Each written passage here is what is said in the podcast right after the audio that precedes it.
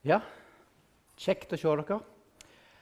I dag skal jeg tale oss over en tekst som er litt spesiell, for jeg tror alle, nesten alle kan den utenat. Det er ikke alltid vi taler over en tekst folk kan utenat.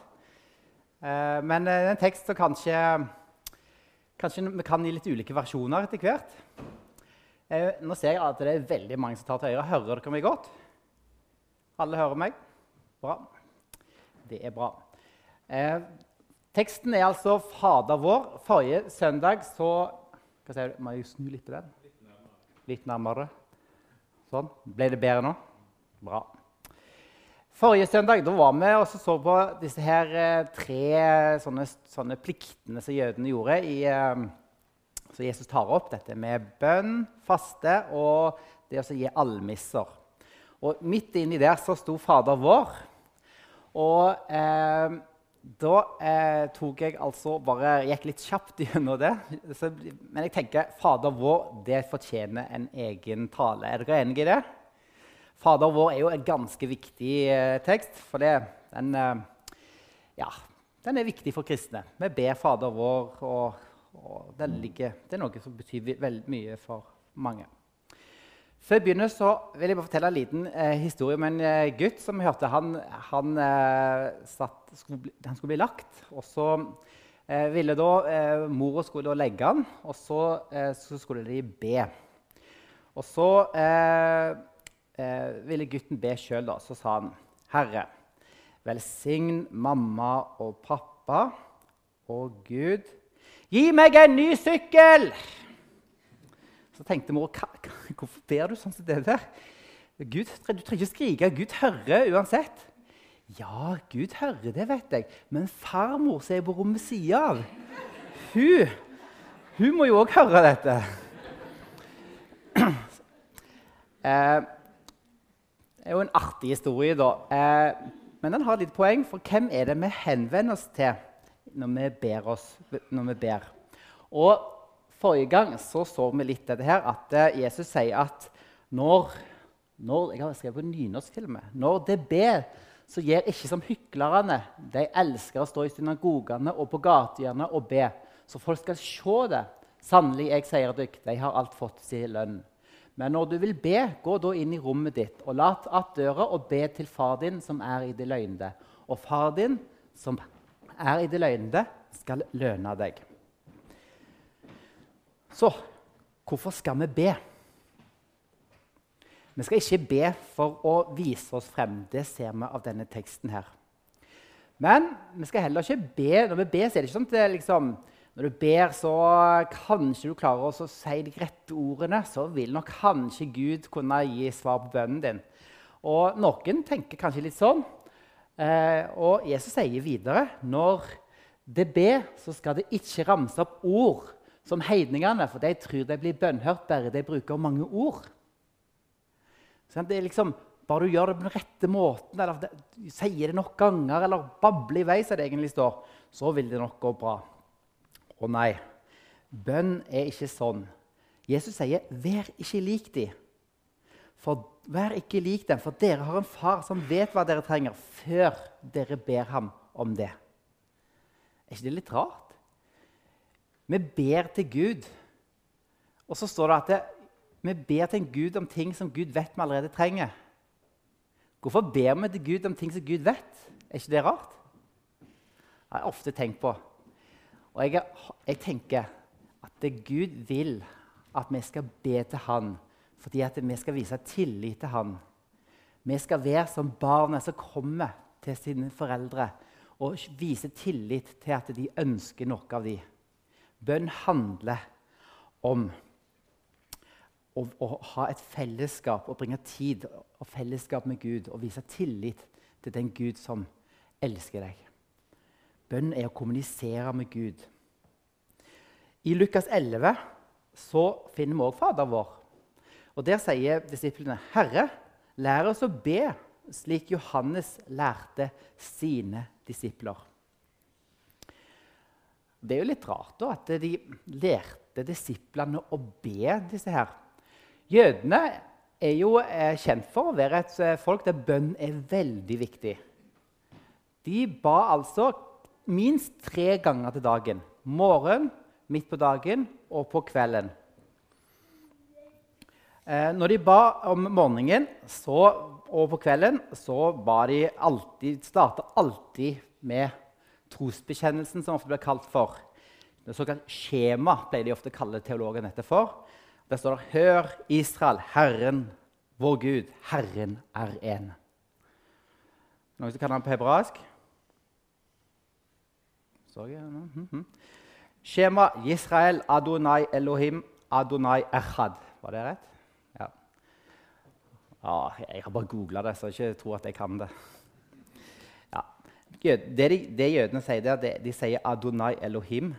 Det fordi Egentlig står det Jave, men de tørde ikke si det navnet. eller ville ikke si det navnet. Men dette starter de hver morgen med, og på aften. Og så hadde de altså fått en tradisjon jødene for det som kalles for eh, amida. Det er sånn 18 bønner av velsignelser som de ba hver morgen og hver kveld. Ja, de ber det ennå. 19 er det blitt da, nå. Så de har altså, en, har altså bønner som de ba fast. Amida. Og eh, det som er greia nå, da, det er at det, eh, hvis du skal be gjennom Amida Jeg måtte jo google og finne ut hva som sto i disse her bønnene som de ber hver morgen og hver kveld. Og da står det altså at det, eh, når du skal be denne bønnen, disse her, alle disse her 19 velsignelsene Hvis du da ber dem bare sånn fort sånn ned gjennom, tar det deg fem minutter cirka, å be dem. Fem minutter. Er det lenge? Noen, ja, jeg, jeg, tenker at det er jo en lang bønn. Lang bønn. Så, så det, det, som da mange gjorde av disse her rab, rabbinerne, det var at de, de lærte disiplene sånne små, korte bønner som de kunne be utenom. Og mange av de kan ses på som et sånn resymé av, av denne her, eh, disse velsignelsene. Og her er det en rabbi Elieser han, han f.eks. lærte disiplene sine denne bønnen. Må din vilje skje i himmelen der oppe. Gi fred i sinnet til de som frykter deg her på jorden. Og la din vilje skje. Velsignet er du, o Herre, som svarer på bønner. Du, Hørtes det litt kjent ut? på en måte? Ligner det litt på Dere ser at det er noen visse momenter som minner om Fader vår. Og faktisk er det, er det ikke at Jesus hermer etter denne uh, rabbi Elieser, men det er elementer fra denne 18, eller disse 19 velsignelsene som de da har på en måte kokt sammen til en litt kortere bønn, så du kan be når du står på markedet og venter litt, eller når du står på Rema 1000 i kassen og har litt tid og slipper å irritere deg for den lange køen. Men da har du tid til en kort bønn. Var ikke det et godt, godt tips? Ja. ok. Så Dette her lærte da rabbinerne lærte da sånne måter å be på til dem. Og Så kommer da Jesus, og så lærer han de, disiplene å be. Og det første Jesus lærer dem, det er når dere ber, så skal dere be sånn. På denne måten. Vår Far i himmelen. Lat navnet ditt helgast. Det første bønn. Jeg tenker at disiplene må ha vært ganske, ganske sjokka over dette. Vår Far i himmelen. Du, det, den teksten vi har, er jo på gresk i Det nye testamentet originalen. Men Jesus han, han snakket aramesk til disiplene. Og alle teologer og sånn kommentarer de sier at det, sannsynligvis så så sa Jesus alt dette her på aramesk. Det er jo naturlig, siden det var det de snakket om. Og eh, Det er altså gode grunner til å tro at Jesus lærte disiplene sine at de skulle be til Gud som Abba. Og Da tenkte han ikke på et band fra Sverige som sang sanger. Nei. Abba det betyr altså noe sånt som far eller pappa. Og eh, dette ordet her det finner vi faktisk bare på, sånn, skrevet om, sånn, som ABBA tre ganger i Bibelen vår. Ja, Bare tre ganger står det. Men de tre gangene så står det alltid sammen med det greske ordet 'pater', som da står på teksten der. Og Den ene plassen det er i Markus 14. I kapittel 14, hva gjør Jesus da? Jo, da er han i Getsemane. Og så ber han Abba, far, alt er mulig for deg. Ta dette begeret fra meg, men ikke som jeg vil, bare som du vil. Ser du det, det står altså 'Abba, far' på den greske teksten. Det, så det kunne jo bare skrevet 'far', men det, teologene mener det var så viktig med ordet 'Abba' at de kunne ikke bare skrive 'far', altså pater. Men de ville heller ikke bare skrive 'Abba', for det, det, var jo skrevet til så alle, alle, med alle språk skulle kunne lese dette, altså alle grekere da, skulle kunne forstå dette. så det, Derfor så står det òg 'Abba'. I den andre plassen det er Romerne 8, vers 15. Og Der, sier, der står det For det fikk ikke den anda som slavene har, så det på nytt skulle leve i frykt. Nei, det fikk anden som gir rett til å være, eh, rett til å være Guds barn. Den som gjør at vi roper 'Abba, far'. Abba, far. Den tredje plassen er Galaterbrevet. Og siden de er born, det er barn, har Gud sendt sin sønns ande inn i hjertene våre, og anden roper 'Abba, far'. Tre tilfeller står, og det står både 'Abba' og 'far' på greskteksten. der da, Både 'Abba' og 'far'. Og jeg tror det at det de, de, skriver det selv, for det viser hvor viktig dette var med ABBA. Eh, I Amida, denne bønnen som jeg nevnte til, til jødene, så, den begynner sånn. den første bønnen. Skal dere høre? Hvordan skal de be der? Velsignet er du, o Herre vår Gud, og Gud til våre forfedre, Abrahams Gud, Isaks Gud og Jakobs Gud. Ja, det er jo fint. Jødene de henvendte seg ikke til Gud sånn, på den måten som vi gjør i Fader vår, der du kaller Gud for far direkte. Gud var forfedrenes Gud. Gud var liksom litt sånn, De var litt sånn ærefrykt for Gud, og de kalte han altså for Jakobs Gud og osv. De kunne bruke ordet 'far' til å beskrive Gud. altså, det kunne de. Men da var det ofte sånn forbindelse med eh, hvordan Gud er, eller som et sånn adjektiv. For så står det i, i 5. Mosebok 32.: Er han, altså Gud, ikke din far og skaper? Han forma deg og holder deg oppe. Så at Gud er som en far, det var ikke ukjent. Men det var ikke vanlig at de ba til Gud direkte som far. Å henvende seg Gud til Gud, Gud vår far, det finner du ikke på den måten. Men så må nok disiplene ha hørt Jesus be. For Jesus, Jesus ba jo ofte. Han ba i lag med disiplene og gikk til stille steder for å be. og Noen ganger tok han med seg disiplene sine. Og de må ha hørt at han henvendte seg til Gud Fader som far. Og dette er ikke dette, Nå har vi liksom vært kristne i mange år. Altså, par, altså, I Norge har det jo vært i 1000 år ca. Men for oss som står her, her i dag, så har det ikke vært i 1000 år. Så, så gamle er vi ikke. Men vi har liksom hatt dette her med oss fra barndommen av, kanskje. Og Fader vår har vi bedt kanskje tusenvis av ganger. Hva vet jeg? Og, så vi, jeg tror, jeg er redd for at vi tar dette litt for gitt. At vi ber Fader vår. Og jeg syns det er utrolig bra med den nye oversettelsen. At det står 'Vår Far'. For dette Fader vår det er liksom litt sånn religiøst. er Det ikke det? Litt sånn, det er et ord som vi bruker. Det er ingen som sier Jeg ringer ikke hjem til broren min og sier ja, eller far min ringer far min. Eh, 'Hei, Fader vår.' Eller jeg sier ikke 'vår', da. men altså, Jeg sier 'far', eller kanskje 'pappa'. Så at det nye oversettelsen står det 'far'. Det synes jeg er veldig fint. Men vi tar det litt for gitt at vi, at vi kan si dette, at Gud er far, og henvendes på den måten. Eh, Jesus han han kalte Gud for sin far. Og i diskusjon med jødene en gang på, så var det liksom diskusjon om sabbaten. Så sier Jesus Min far arbeider helt til nå, sier han. Også jeg arbeider. Hvordan reagerte de da når han sa det? Det her står i Johannes-evangeliet, kapittel 5. Jo, det står etter dette var jødene enda mer oppsatt på å få ham drept for ikke bare brøt han sabbaten, men han kalte også Gud sin egen far og gjorde seg selv lik Gud. ikke, hør, ser dere hvor radikalt det er? Når vi ber til Gud som far, det er ganske radikalt. Hvorfor kan vi be til Gud som far?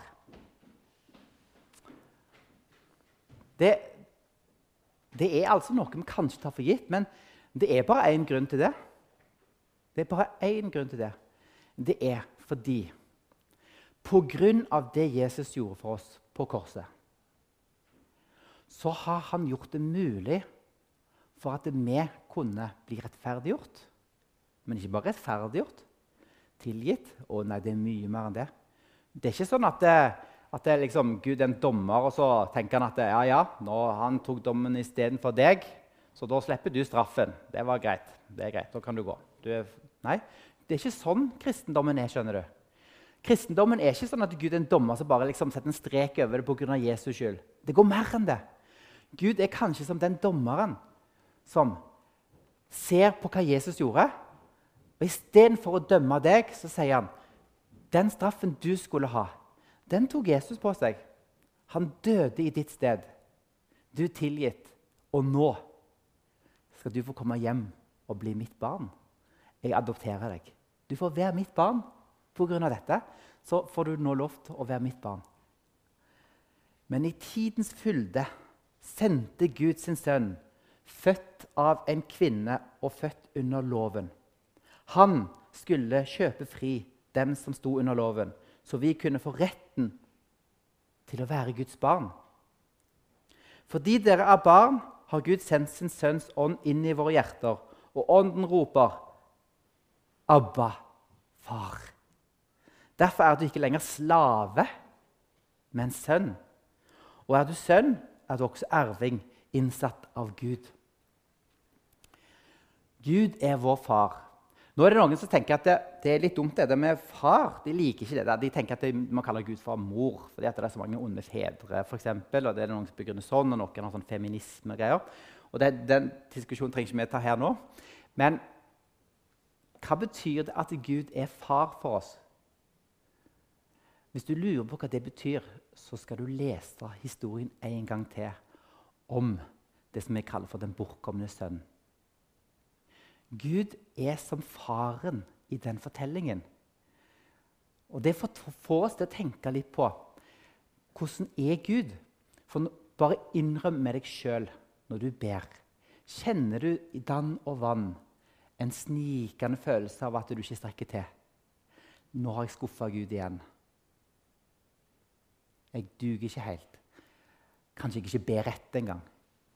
Hvem er jeg? Åh, jeg fikk det ikke til igjen.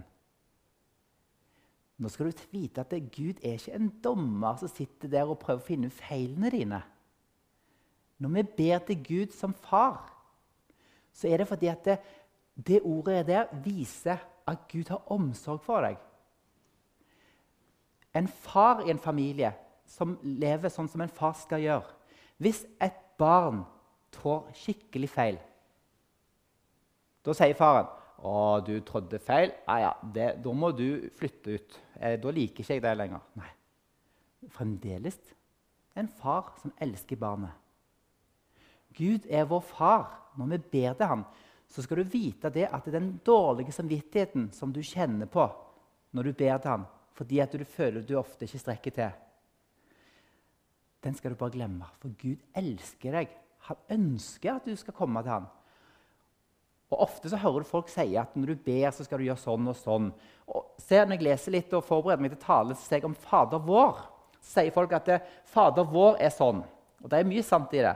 Se på det som et skjelett, eller et sånn eh, stillas, som du skal be etter. Og det, første, og det er tre deler du kan dele en Fader vår i. da. Og Den første delen er at du rusher ikke inn i Guds nærvær bare og kommer med det du har på hjertet. Nei da, Du kommer først og henvender deg og tenker på hvem Gud er. Og Det er mye sant i dette. Men av og til, med mennesker vi, vi er skrudd sammen sånn vi tenker, vi kommer ofte til Gud og så ber vi våre bønner det, det vi har på hjertet, sånn direkte uten å tenke på 'Hellige vorde ditt navn' og alt dette. Og Så får vi litt sånn dårlig samvittighet, for nå ber vi ikke rett engang. Det er ikke sånn Gud er.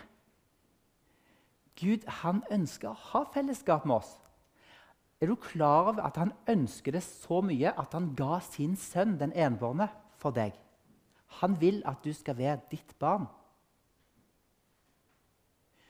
Så når du ber til Gud, så ikke tenk at Gud ser litt misfornøyd ut med deg. Nei, han vet at vi er støv. Det står det faktisk i salme.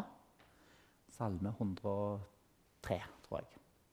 Han vet at vi er støv. Fader vår kan vi be fordi Gud er vår far pga. Jesus Kristus. Så ber vi vår far i himmelen. Det må vi ha med òg. Nå er det sånn at Gud er vår kjærlige far som elsker oss. Men Gud, mange tenker at Gud er liksom Jeg tror kanskje noen ser på Gud som en sånn chommy. Det synes jeg er et veldig godt uttrykk. En chommy. Det er sånn de sier i Bergen. ikke? Chommyan. Sånn, eh, litt sånn kameratslig. ikke sant? Sånn. Men Gud er den kjærlige faren som jeg nettopp beskrevet. Men han er òg den Gud som er i himmelen. Fader vår, du som elsker så mye at du ga din sønn for oss, for at vi skal få være dine barn. Du er den hellige Gud, som er overalt. Du er den som skapte verden. Fader vår, du som er i himmelen. La navnet ditt helgast. Her her er alle kommentatorer alle ser på disse her, tro, tro, katekismen og alt, Alle sier det samme, og det, det, skjønner jeg. La navnet ditt helliges. Er det noe rart med det? Er det ikke det? Er Gud hellig? Husk på navnet. Jødenes, altså, når de skulle beskrive noe, Navnet var det samme som personen.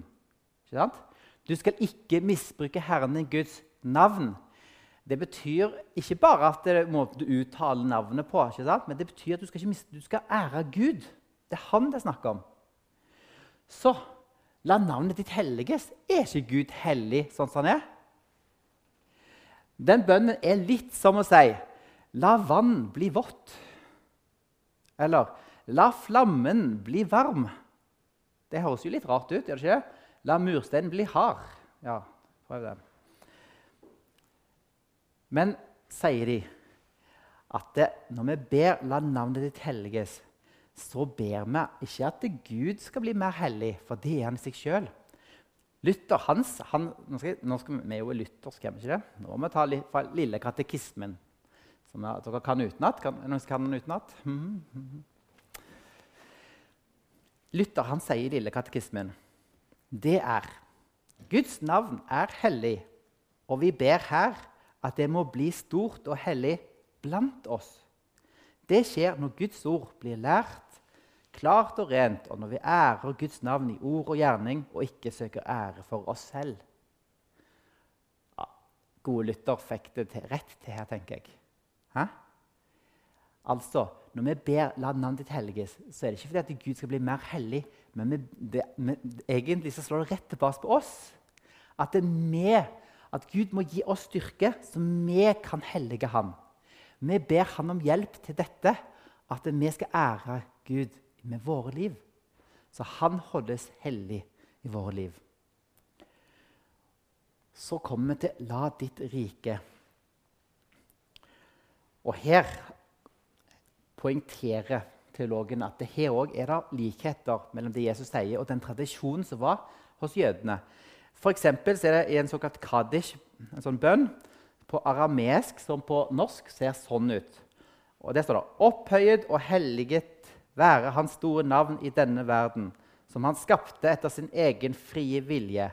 Må Hans rike bli opprettet i vår livstid og i våre dager og hele Israels tid, raskt og i nær tid. Det var en Kaddish-bønn. Ser dere noen likheter her? Men ser dere noen ulikheter? Det er kanskje det som er best å spørre om her. For Der står det at de ba om at hans rike må bli oppretta. Men hva var det Jesus gjorde når han begynte å forkynne? Han forkynte evangeliet om riket, og han sa 'venn om, for Guds rike er nær'. Og hvorfor er Guds rike nær? Jo, for Jesus er der. Kongen var kommet. Hans svar ble lovt. Så når vi, når vi ber bønnen La ditt rike komme, så er det ikke bare det at, at liksom, vi ber om noe som skal skje i framtiden. For det har allerede kommet. Men vi ber om at det må komme inn i våre liv, og at vi må ære Gud som konge i våre liv. For det er det det betyr med Guds rike. Et rike har en konge. Og det riket fins der kongen regjerer. Og her så bruker da Mange mener at her er det en såkalt parallell, eh, parallels, eh, hva de kaller for parallellisme. Synonym parallellisme kaller de det for. Det høres veldig fint ut. Det betyr, det skjer ofte i Bibelen at det står ting to ganger, og det blir sagt samme ting to ganger for å utdype det. Her står det 'La riket ditt komme'. Og så står det noe som ligner ditt. 'La viljen din skje på jorden, slik som i himmelen'. Skjønner du? Riket kommer til oss når vi lar Hans vilje skje i våre liv. Og For å vise dere eksempler på dette så har jeg tatt med tre eksempler fra eh, fra Gammeltestamentet som viser sånne parallelle måter å skrive på. Det første er fra ordspråkene 3.11. Det står da Min sønn, forakt ikke Herrens formaning. Det var første gang. Så gjentas det en gang til. Mist ikke motet når han refser. Forakt ikke og mist ikke motet. Det, på en måte, det går litt i det samme. I Jesaja 53 Men han ble såret for lov, våre lovbrudd så ble det sagt en gang til med litt andre ord. Knust for våre synder. Det er det samme som ble sagt to ganger. Bare litt forskjellige nyanser for, for å utdype det. I Jobb kapittel 30, vers 26.: Jeg håpet på det gode, men det onde kom, sier Jobb. Og så står det Jeg ventet på lys, og det ble mørke. Ser dere, Det er samme som skrevet to ganger, men bare litt forskjellig. Og når vi leser dette, så tror mange at dette også er en sånn parallelisme. Det er altså det samme som ble sagt to ganger, bare litt ulike nyanser. Vi ber at Guds rike må komme, og hvordan kommer det? Ja, Vi kan jo be om at, eh, at dommens dag skal komme nå, eller noe sånt, men jeg tror ikke det er det som er greia. Vi ber at, Guds, at riket skal komme for at viljen til Gud skal råde i våre liv. At han skal være herre i våre liv.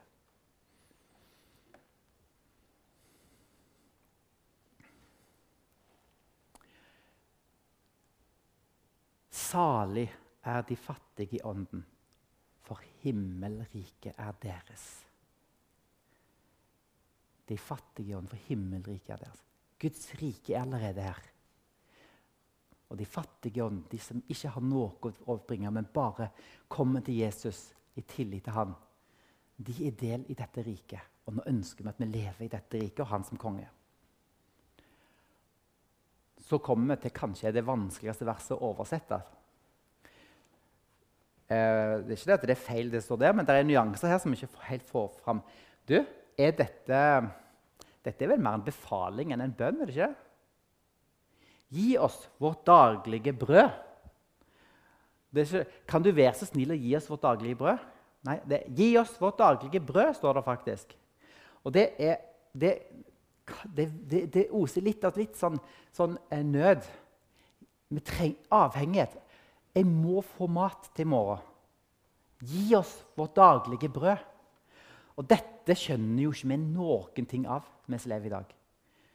Jeg er jo helt uten økonomi. Fordi jeg har en sånn økonomisjef i huset vårt. sitter her borte. Og, og, og hun har utstyrt meg med sånne kort. Så jeg har skjønt at jeg kan gå i butikken så gjør jeg et eller annet sånn, og så gjør jeg sånn. Så bare får jeg mat. Er ikke det rart? Ja, og jobb har jeg òg, så det, tydeligvis er det alltid penger på den der kontoen. Og sånn er det mange som har det i Norge. Ikke alle. Det er, det er fattige i Norge òg. Det er folk som har det trangt. Men eh, jeg sliter Jeg må innrømme, jeg vet ikke hvordan det er med deg, men jeg sliter litt med å liksom kjenne på nøden for maten i morgen på bordet. Ja, det gjør jeg. Jeg, be, jeg skulle ønske Nei, jeg, skulle ikke ønske jeg hadde mer nød for det. Men det har noe med tillit til Gud å gjøre. Gi oss i dag vårt daglige brød. Dette brødet står her, som, Det står brød der. Det er liksom, de som driver på med sånn Fedon Lindberg, og sånn, de tenker at det er litt rart, for de spiser jo ikke brød. Er det noen som har prøvd det? Sånn lavkarbo. Men eh, brød er altså, det betyr mat, det er rett og slett. Eh, og Et eksempel på det ser vi i Markus kapittel 3 Der står det faktisk eh, da han kom hjem, strømmet folk sammen igjen, så, de, eh, så Jesus og disiplene ikke kunne få seg mat, står det. Og Det er egentlig samme ordet, brød, på grunnteksten. da, det er brød. Så brød betyr altså det nødvendige for morgendag, altså det nødvendige for livets opphold. Skal vi si det sånn? Ja, det er nødvendig for livets opphold. Så det var jo, brød er jo nødvendig. Men så er det dette med ordet 'daglig'. Daglige brød det er litt vanskelig å oversette. Det betyr ikke så veldig mye, men det er nyanser her som jeg syns er, artig å få, få, med seg. fordi at det, eh, det står noen, noen oversettelser har 'gi oss i, i, dag morgendagens brød', faktisk. Og det, kan, det, er ikke en feil oversettelse, for det, har, det, det fins ikke et norsk motsvar til akkurat det som står på gresk. Men jeg kan si det sånn, det ordet som blir brukt for daglig brød, det er sånn at eh, hvis du ba denne bønnen om morgenen, så betyr det det daglige brød for i dag. Men hvis du på kvelden ba bønnen, så, så, så pga. tiden du ber i, så betyr det morgendagens brød. Og da er det sånn at, eh, at, det var vanlig at arbeidere fikk lønn utbetalt om kvelden etter endt arbeidsdag, så de kunne skaffe seg mat for morgendagens arbeid. Og Samme gjelder med soldater. De fikk altså rasjonen utdelt på kvelden, så de trengte dagen etterpå. Så gi oss i dag vårt daglige brød, altså brød for dagen etterpå. Det er det det er snakk om. Her er det ikke snakk om gi oss eh, brød som vi kan leve resten av dette året på det. Det er altså i daglig tillit. Gi oss i dag, hver dag, brød for morgendagen eller brød for denne dag. alt ettersom. Så det er den tilliten vi har til Gud. Vi er avhengig av Gud. Vi ser eksempler på dette. Kong Joakim, f.eks. Ikke Joakim. hvis dere lyst på det. Jo, Joakim. Han eh, ble tatt til fange og ført til Babel. Og så, eh, så, så står det at det, etter en stund så står det eh, eh om han eh, at han eh, fikk av seg fangedrakten i Babel. Og sitt daglige brød fikk han av kongen dag for dag så lenge han levde. Det står det faktisk i andre kongebok, kapittel 25. Altså Han fikk sitt daglige brød dag for dag. Så vi er avhengig av Herren på samme måte. I, sal, i ordspråken 30, vers 8, der sies, sies, står det Gi meg ikke armod og heller ikke rikdom. Det var en fin bønn. Tør vi å be den? Ikke gi meg rikdom. La meg ete mitt tilmålte brød, for at jeg ikke skal fornekte deg når jeg blir mett, og si 'Hvem er Herren?' Og jeg tror vi er litt der, dessverre, i Norge for eksempel, og andre plasser som har så stor velstand. Vi, vi klarer oss så bra uten Gud, tror vi. Men vi gjør ikke det. Vi gjør ikke det. Kan du lese Salme 104, så skal du se at alle disse gavene kommer fra Gud. Det er Gud som gjør at uh, vi kan uh, gå i butikken og kjøpe mat. fordi den maten kommer jo fra en plass. Det er faktisk noen bønder som, uh, som jobber her. er Det ikke det? Det er ikke bare sånn syntetisk lagd mat. er det det? Å, nå våkner han. Det så jeg. ja, så kommer vi til å tilgi oss vår skyld, slik vi òg tilgir våre skyldnere. Vi er jo syndere, alle sammen her. Enten du liker det eller ei, så kan jeg si til dere at vi alle her er syndere. Jeg òg. Tro det eller ei. Nei, bare tuller. vi er alle syndere. Noen har nok større synder enn andre. og Noen ser kanskje ikke synden sin. jeg vet ikke. Men vi har alle behov for nåde. Dag for dag. Vi ber Fader vår, så erkjenner vi det. Tilgi oss vår skyld, så vi òg tilgir våre skyldnere. Og eh, det som er litt vanskelig her, det er jo det andre leddet her. Å tilgi slik også vi tilgir våre syndere. I Matteus eh, kapittel 6, vers 14 udere, så står det noen vanskelige ord som jeg eh, nesten kvier meg for å tale over. Men eh, det, står for, det, står at det, og Dette rett etter Fader vår, så sier Jesus. For dersom dere tilgir menneskene de misgjerningene de har gjort, skal også deres far tilgi dere. Men dersom dere ikke tilgir menneskene, skal heller ikke deres far tilgi de misgjerningene dere har gjort. Er det harde ord? Det er harde ord. Det er vanskelige ord, syns jeg. Det synes Jeg er utro... Det, jeg må innrømme at jeg prøver, jeg har ingen som har gjort meg noe så ille at jeg har problemer med dette sjøl. Det si. Men jeg vet om mennesker som har opplevd noe som er uendelig mye verre enn det jeg har opplevd. Og jeg syns det er utrolig vanskelige vers. Men jeg, jeg vet om ei dame som har opplevd mye av de gru, mest grufulle tingene. Og hun heter Corrie ten Bom. Noen som kjenner henne? Jeg kjenner og kjenner. Dere har hørt om henne iallfall. Ja, og hun havna jo i Ravensbruk, i konsentrasjonsleir. Og hun og søstera Betzy var der, og, de var, det er en utrolig historie. Men eh, Betzy døde jo da. Og, og Corrie hun kom ut av det og kunne vitne om det etterpå. Og Hun skriver om dette med tilgivelse. og Jeg, eh, det, jeg har lyst til å lære litt av henne, for det her er et levd liv. Og Hun sier at det, tilgivelse det handler jo ikke noe om hva du føler, men det er hva du vil. Så når du har opplevd mye ondskap i ditt liv, så kan du ha problemer med følelsene dine å tilgi. Men Jesus snakker om viljen. Er du innstilt på å prøve å tilgi? Og Ikke tro at dette bare er gjort i en håndvending for de som har opplevd onde ting. Men dette er vanskelig. Og Corrie ten Boom hun hadde en historie der hun fikk problemer sjøl. For i 1947 var hun i München.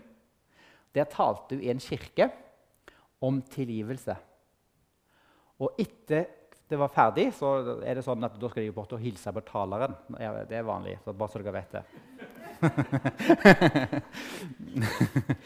men, men, så sto hun der, og så eh, kom det da en mann fram.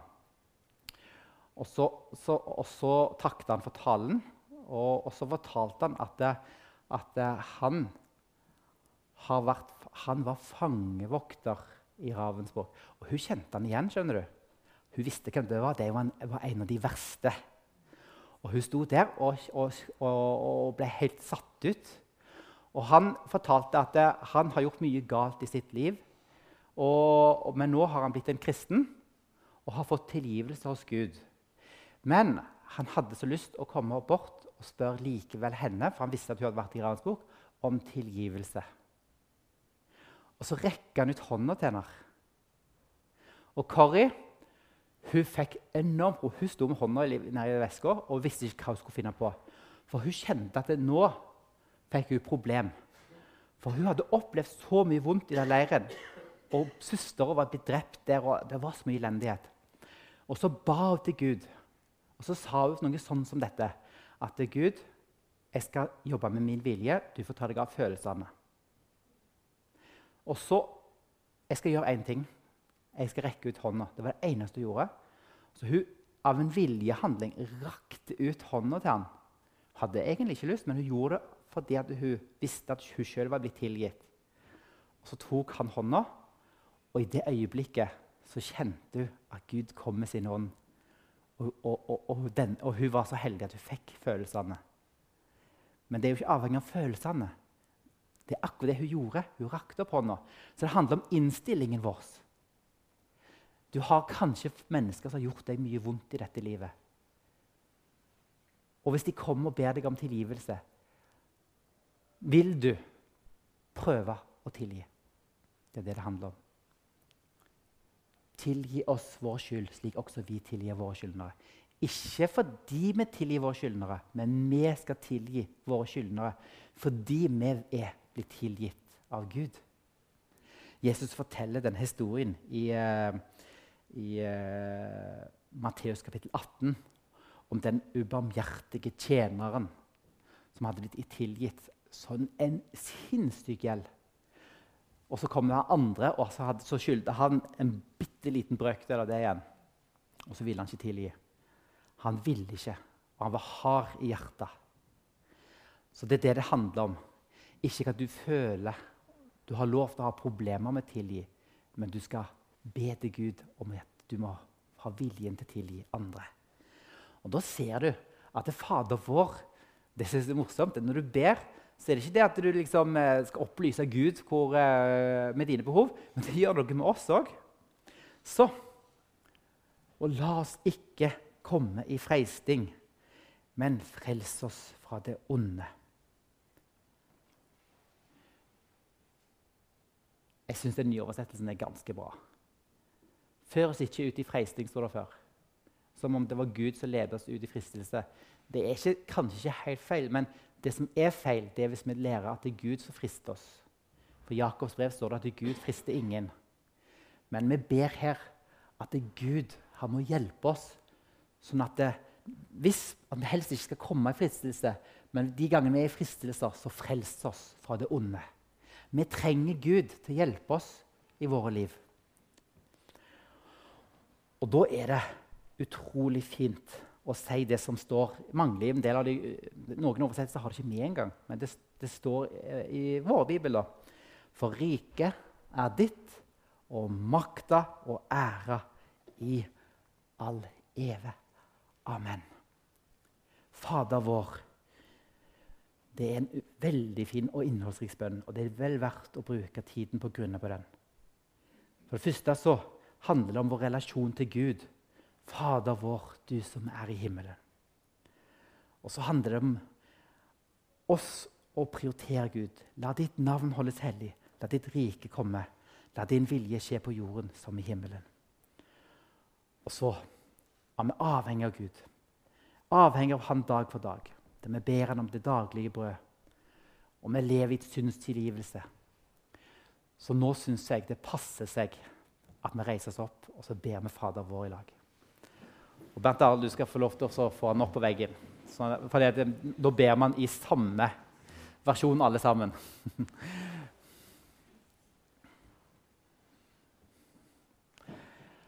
Vår Far i himmelen. La navnet ditt helgast. La riket ditt komme. La viljen din råde på jorda slik som i himmelen. Gjev oss i dag vårt daglige brød, og tilgi oss vår skyld, slik vi òg tilgir våre skyldnere. Lat oss ikke komme i freisting, men frels oss fra det onde. For riket ditt, og makta og æra i all eve. Amen.